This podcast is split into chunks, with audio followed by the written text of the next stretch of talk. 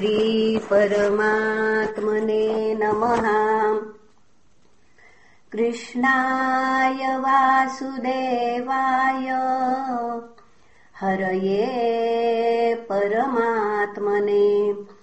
प्रणतः क्लेशनाशाय गोविन्दाय नमो नमः।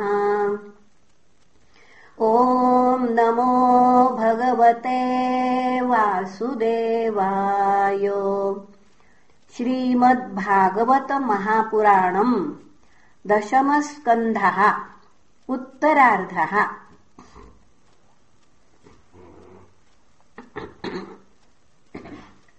श्रीगणेशाय नमः। ॐ श्रीपरमात्मने नमः अथ पञ्चाशत्तमोऽध्यायः।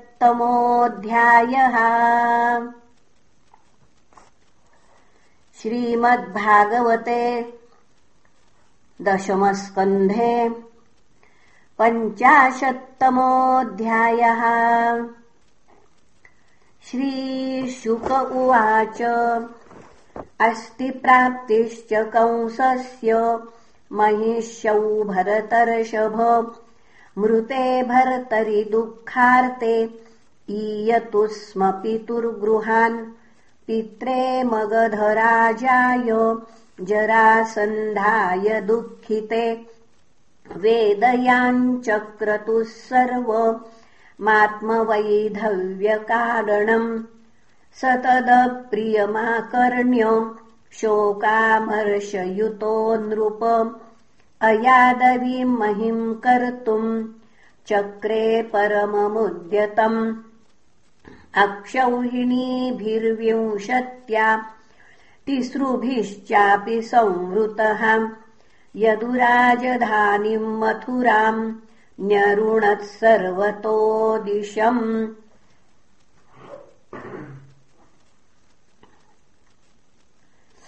निरीक्ष तद्बलम् कृष्ण उद्वेलमिव सागरम् स्वपुरम् तेन संवृद्धम् स्वजनम् च भयाकुलम्। चिन्तयामास भगवान् हरिः कारणमानुषः। तद्देशकालानुगुणम् स्वावतारप्रयोजनम्। हनिष्यामि बलम् ह्येतत् भुवि भारम् समाहितम् मागधेन समानीतम्। वश्यानाम् सर्वभूभुजाम्। अक्षौहिणीभिः सङ्ख्यातम्।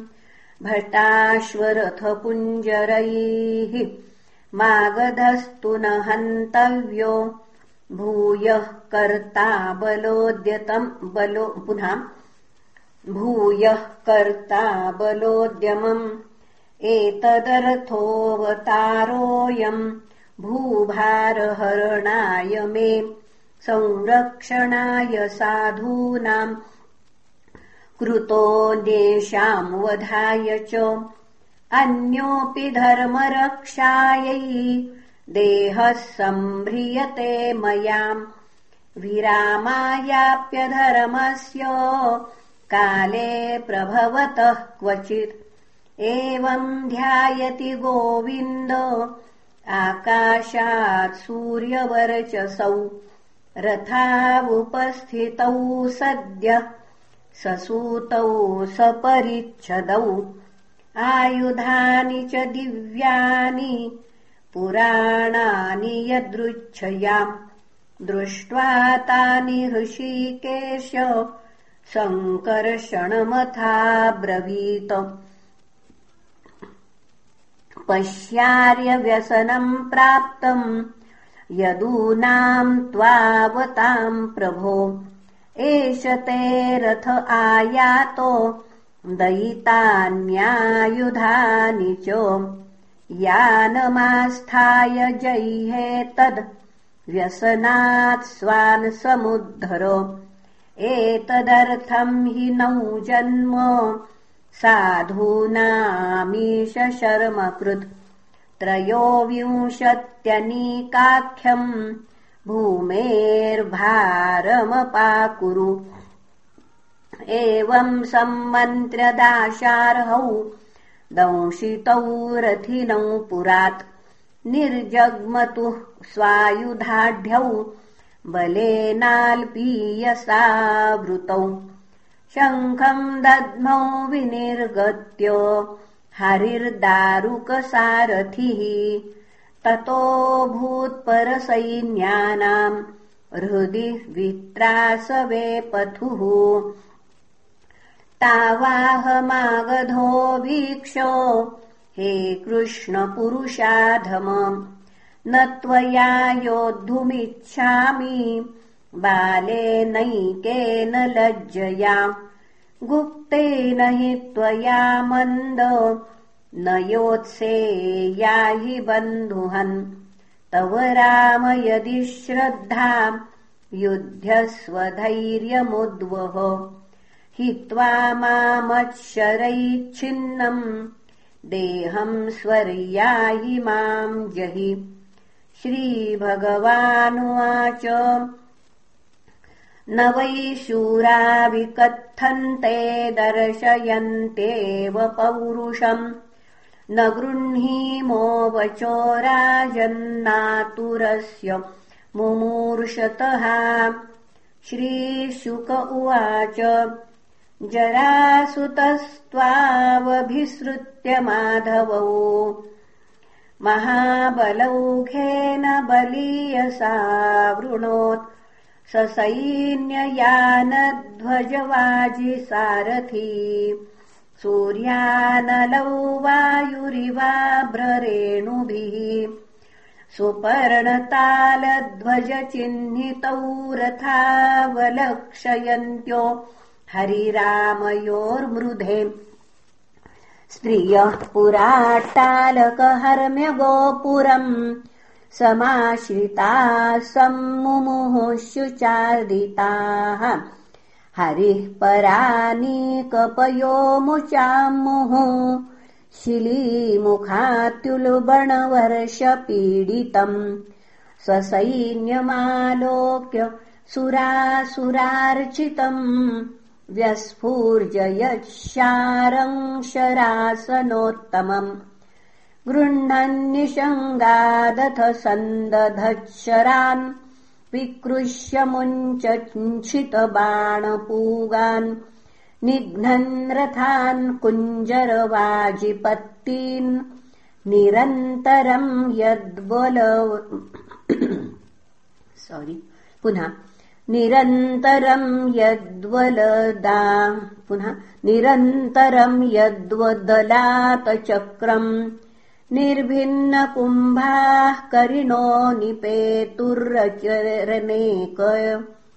पुनः निर्भिन्नकुम्भाः करिणो निपेतुरनेकशोश्वा शरवृक्णकन्धराः रथाहताश्वध्वजसूतनायकाः पदायत यच्छिन्नभुजोरुकन्धराः। सञ्छिद्यमानद्विपदे भवाजिना मङ्गप्रसूता शतशोऽश्रुगापगाः भुजाहयः पूरुषशीर्षकच्छपा हतद्वीपद्वीपहयग्रहाकुलाः करोरुमीना नरकेशवै। पुनः करोरुमीना नरकेशशैवला। धनुस्तरङ्गायुधगुल्मसङ्कुलाः। अच्छूरिकावरतभयानका महामणिप्रवेका भरणाश्म शर्कराः प्रवर्तिताभिरुभयावहामृधे मनस्विनाम् हर्षकरी परस्परम् विनिघ्नतारीन्मुसलेन दुर्मदान् सङ्कर्षणेनापरिमेय तेजसाम् बलम् तदङ्गार्णवदुर्गभैरवम् दुरन्तपारम् मगधेन्द्रपालितम् क्षयम् प्रणीतम् वसुदेवपुत्रयोर्विक्रीडितम् तज्जगदीशयोः परम् स्थित्युद्भवान्तम् भुवनत्रयस्य यः समीहते नन्तगुणः स्वलीलया न तस्य चित्रम् परपक्षनिग्रहस्तथापि मर्त्यानुविधस्य वर्ण्यते। जग्राहविरथम् रामो जरासन्धम् महाबलम्। हतानीकावशिष्ठासुम् सिंहः सिंहमिवौजसाम् बध्यमानम् हतारातिम् पाशैर्वारुणमानुषैः वारयामास गोविन्दस्तेन कार्यचिकीर्षयाम् समुक्तो लोकनाथाभ्याम् व्रीडितो वीरसम्मतः। तपसे कृतसङ्कल्पो वारित पथिराजभिः। वाक्यैः पवित्रार्थपदैर्नयनैः प्राकृतैरपि स्वकर्मबन्धप्राप्तोऽयम् यदुभिस्ते पराभवः। हतेषु सर्वानीकेषु नृपो बार्हद्रथस्तदा उपेक्षितो भगवतामगधान् दुर्मनाययौ मुकुन्दोऽप्यक्षतबलो निस्तीर्णारिबलार्णवः। विकीर्यमाणः कुसुमैस्त्रिदशैरनुमोदितः। माथुरैरुपसङ्गम्य विज्वरैर्मुदितात्मभिः। उपगीयमानविजय सूतमागधवन्दिभिः शङ्खदुन्दुभयो नेदुर्भेरि तूर्याण्यनेकषः वीणा वेणुमृदङ्गानि पुरम् प्रविशति प्रभौ। सिक्तमार्गाम् हृष्टजनाम् पताकाभिरलङ्कृताम्। निर्घृष्टाम् ब्रह्मघोषेण कौतुकाबद्धतोरणाम् नीचीयमानो नारीभिर्माल्यदध्यक्षताङ्कुरैः निरीक्षमाणः सस्नेह प्रीत्युत्कलितलोचनैः आयोधनगतम् वित्तमनन्तम् वीरभूषणम् यदुराजाय तत्सर्वमारुतम् प्रादिशत्प्रभुः पुनः यदुराजाय तत्सर्वमारुतम् प्रादिशत्प्रभुः एवम् सप्तदश कृत्वस्तावत्यक्षौहिणी बलहाम् युयुधे मागधो राजा यदुभिः कृष्णपालितैः अक्षिण्वंस्तद्बलम् सर्वम् वृष्णयः कृष्णतेजसा हतेषु स्वेष्वनीकेषु त्यक्तो यादरिभिर्नृपः। अष्टादशमसङ्ग्रामे आगामिनि तदन्तरा नारदप्रेषितो वीरो यवनः प्रत्यदृश्यत रुरोधमथुरामेत्य तिसृभिर्म्लेञ्छकोटिभिः नृलोके चाप्रतिद्वन्द्वो वृष्णीम् श्रुत्वात्मसंमितान्। तम् दृष्ट्वा चिन्तयत्कृष्ण सङ्कर्षणसहायवान् अहो यदूनाम् वृजिनम् प्राप्तम् ह्युभयतो महत्। यवनोऽयम् निरुन्धे स्मानद्य तावन्महाबलः। मागधोऽप्यद्य वाश्वो वा परश्वो वा गमिष्यति आवयोर्युध्यतोरस्य यद्यागन्ता जरासुतः बन्धून् वधिष्यत्यथवा नेष्यते स्वपुरम् बलि। तस्माद्दैहविधास्यामो दुर्गम् द्विपददुर्गमम् तत्र ज्ञातिन् समाधाय यवनम् घातयामहे। इति सम्मन्त्र्य भगवान् दुर्गम् द्वादशयोजनम् अन्तः समुद्रे नगरम् कृष्णाद्भुतमचीकरत्। दृश्यते यत्र हि त्वार्ष्ट्रम् विज्ञानम् शिल्पनैपुणम्। रथ्या चत्वरवीथिभिर्यथा वास्तु विनिर्मितम्। सुरद्रुमलतोद्यान विचित्रोपवनान्वितम् हेमशृङ्गैर्द्विविस्पृग्भिः पुनः हेमशृङ्गैर्द्विविस्पृग्भिः स्फाटिकाट्टालगोपुरैः। राजतारकुटैकोष्ठैर्हेम कुम्भैरलङ्कृतैः रत्नकूटैर्गृहैर्हेमैर्महामारकतस्थलैः वास्तोष्पतीनाम् च गृहैर्वलभिभिश्च निर्मितम्। चातुर्वर्ण्यजनाकीर्ण यदुदेव गृहोल्लसत् सुधर्माम् पारिजातम् च महेन्द्रप्राहिणोद्धरेः यत्र चावस्थितो मर्त्यो मर्त्यधर्मैर्न युज्यते श्यामैककर्णान् वरुणो हयान् शुक्लान् मनोजवान्। अष्टौ निधिपतिः कोशान् लोकपालो निजोदयान्।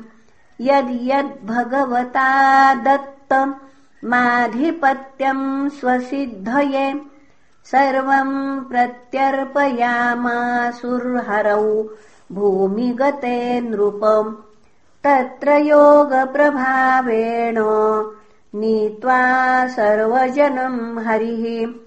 प्रजापालेन रामेण कृष्णः समनुमन्त्रितः।